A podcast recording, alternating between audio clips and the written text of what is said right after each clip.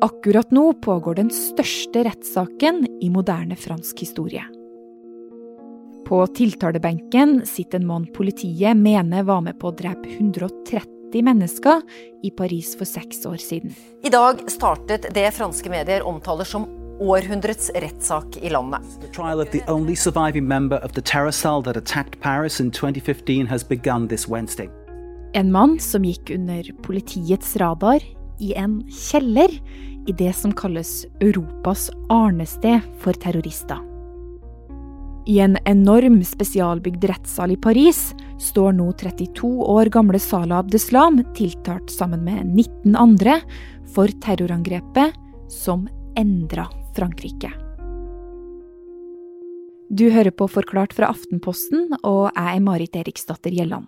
I dag er det torsdag 16. september.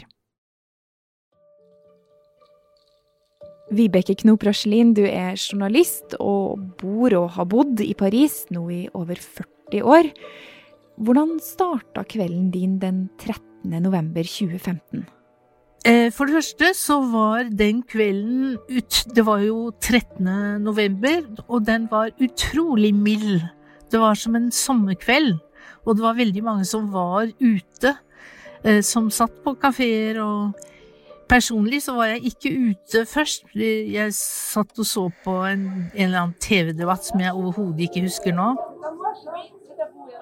Og mens Vibeke slapp av i sofaen, så var andre ute og tok seg en drink. En del hadde tatt turen til fotballstadion Stade France for å se Frankrike spille mot Tyskland, mens andre sto med store øyne og så bandet Eagles of Death Metal dundre løs på gitarene sine på konsertscenen Bataclan. Altså alt i alt en deilig og levende fredagskveld i Paris. Men det var i ferd med å snu helt så fikk, jo, fikk, vi jo da meldingene litt stykkevis. Det begynte jo med Stade de France, der hvor det hadde vært uh, fotballkamp mot Tyskland. På den enorme fotballstadion i utkanten av Paris er rundt 80 000 mennesker og ser fotball når de plutselig hører et smell. Så hører de ett til, og enda et. Drønnene er tre selvmordsbombere som sprenger seg selv utenfor stadion og dreper én person. Men de her drønnene de når ikke folk på utekafeene noen kilometer unna i sentrum av Paris. I det populære området rundt Place de Republique sitter folk og koser seg med mat og vin når de plutselig hører smell. De tror først det er ufarlige kinaputter, men det viser seg å være skudd. Først blir 15 personer skutt og drept. Terrorister hopper inn i en bil og kjører videre. Så skyter de fem personer til, hopper inn i bilen igjen, stopper utenfor et brasseri og dreper 19 mennesker. Etterpå så kjører bilen med terroristene videre, før en av dem hopper ut og sprenger seg selv utenfor en bar. Alt det her skjer i løpet av 15 minutter. Og hjemme i den trygge stua si sitter Vibeke og ser på debattprogrammet sitt mens nyhetsmeldingene tikker inn. Good evening. We start with the breaking news out of Paris and what, at least at this moment, looks to be a city under terror attack on several fronts. And we are coming back on the air right now with more on that horrifying night in Paris. Police have now confirmed at least four attacks in the city of Paris. Til å begynne med var det veldig, veldig usikkert hva som skjedde. Men jeg skjønte ganske raskt da at her var det å komme seg ut så fort som mulig. Og da var jeg veldig usikker på hvor jeg skulle dra, for det var jo meldt om eh, aksjoner på flere steder. Og, og til slutt så valgte jeg å dra til Bataclan. I konsertlokalet med plass til rundt 1600 personer midt i Paris holder det amerikanske rockebandet Eagles of Death Metal konsert. Drosjesjåføren protesterte vilt. Han sa han ikke ville dra dit, og at han ikke kunne dra dit. Og så gikk han med på å kjøre meg likevel, ikke helt inntil, da, men sånn ca. en kilometer fra. Så jeg gikk det siste stykket, og endte da ved å stå noen hundre meter fra Bataclan eh, sammen med noen andre journalister, og vi kunne ikke se hva som skjedde der. Og det var fremdeles veldig uklart hva som egentlig foregikk, men til gjengjeld så hørte vi alt.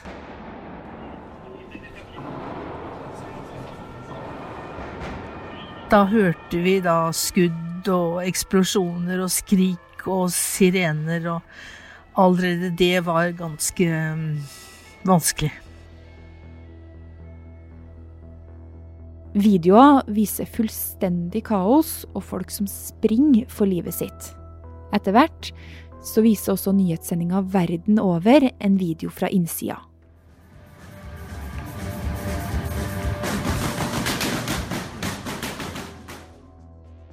«90 personer blir drept i angrepet. Politiet får etter hvert kontroll, og en av de mest omfattende terrorkveldene i europeisk historie er over.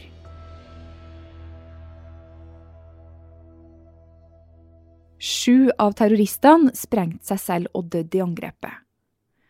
Ganske kjapt etterpå tok IS på seg skylda, og jakta etter resten av dem som hadde vært med på terroren, starta. Og i dagene etter så ble også to andre drept i politiaksjoner.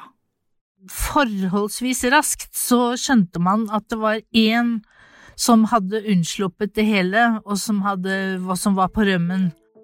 En mann som ikke utløste selvmordsbeltet sitt under angrepet, og som skal ha vært sjåfør. Nemlig Salah Abdeslam.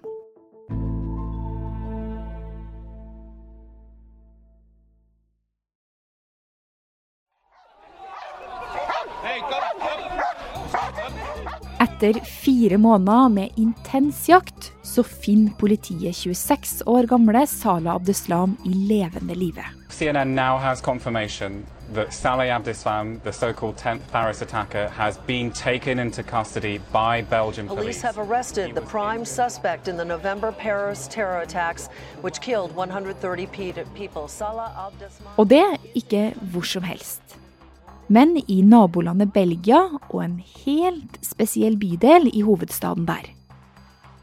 Molenbeck, eller Helvete som Donald Trump kalte bydelen kjent som arnestedet for terrorister i Europa.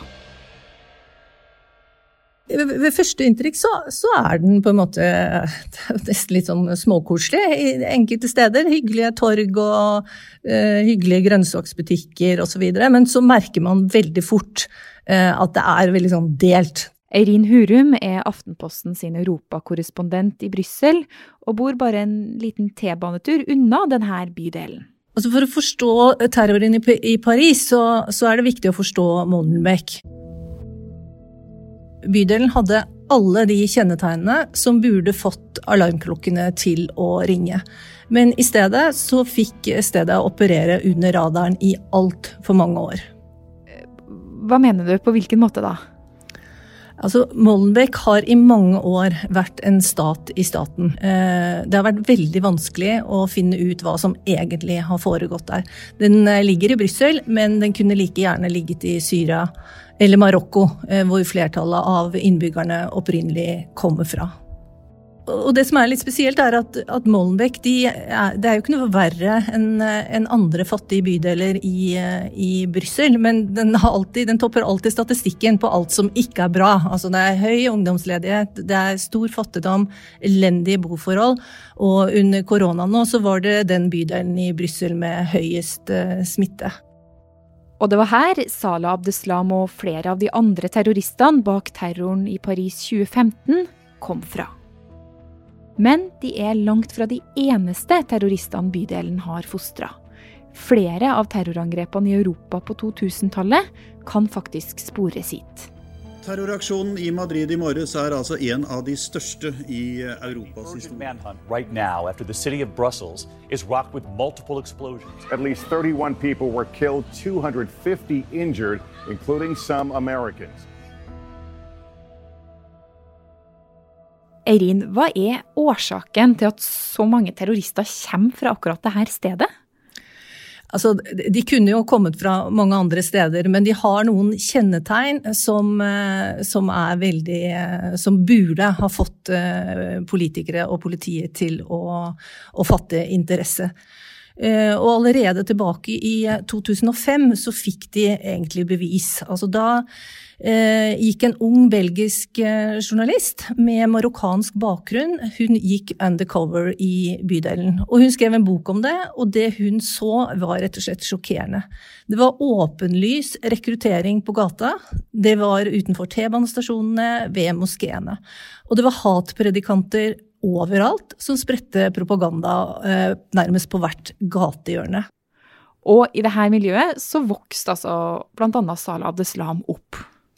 Ja, og eh, hans dobbeltliv er jo på mange måter kjernen i å forstå hvorfor Molenbeek er blitt et eh, attraktivt arnested for eh, terrorister. Det var damer og dop på den ene siden, strenge foreldre og imamer på den andre siden. Så veien til kriminalitet, hat og terror, den var ganske kort. Eh, og et godt eksempel, tenker jeg, er den kafeen som terroristen eh, Salah Abdeslam eh, åpnet, eller drev, like ved torget i Molenbeek. Så ut som en hvilken som helst liten hyggelig kafé. Men det som ingen fikk med seg, det var jo den aktiviteten som skjedde i kjelleren.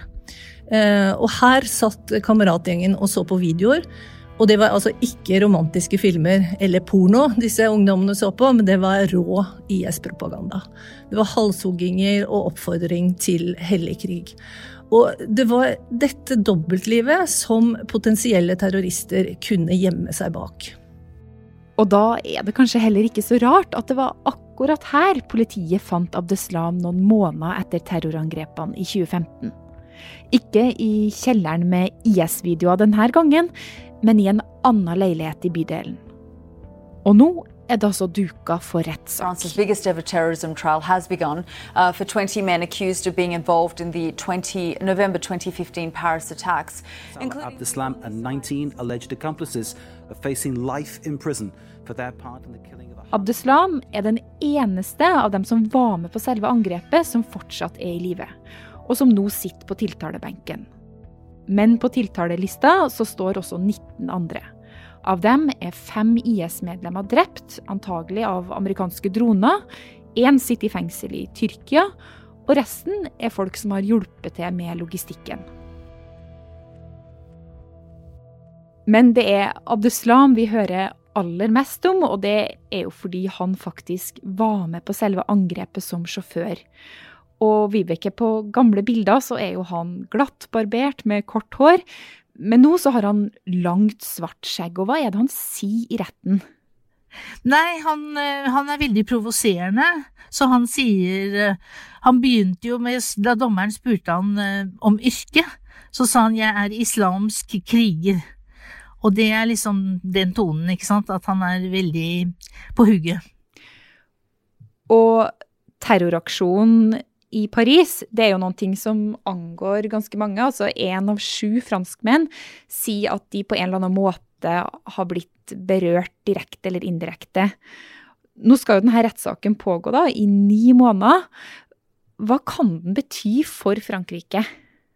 Den kan kanskje bli et punktum på en lang og vond prosess siden november 2015, der Frankrike har faktisk levd under unntakstilstand helt siden da, og, og, den er nå skrevet inn i loven, så presidenten trenger ikke engang å erklære unntakstilstand. Frankrike lever i permanent unntakstilstand etter det. Og det gjør jo noe med ø, vår tillit til hverandre. At uh, når du sitter på metroen og du ser en person som har en ryggsekk, og hvis han da skulle glemme igjen ryggsekken, så er det jo full oppstandelse med en gang. Så det er, det er, det er litt uh, Og så har, har, vi akseptert at, at vi til stadighet blir kontrollert og sjekket i sånne metalldetektorer og sånn, så det er, det er, det er veldig inngripende i, i, hverdagen, rett og slett. Og det, denne rettssaken er da, som jeg var inne på, en mulighet kanskje til å, å bli ferdig med denne prosessen og komme videre.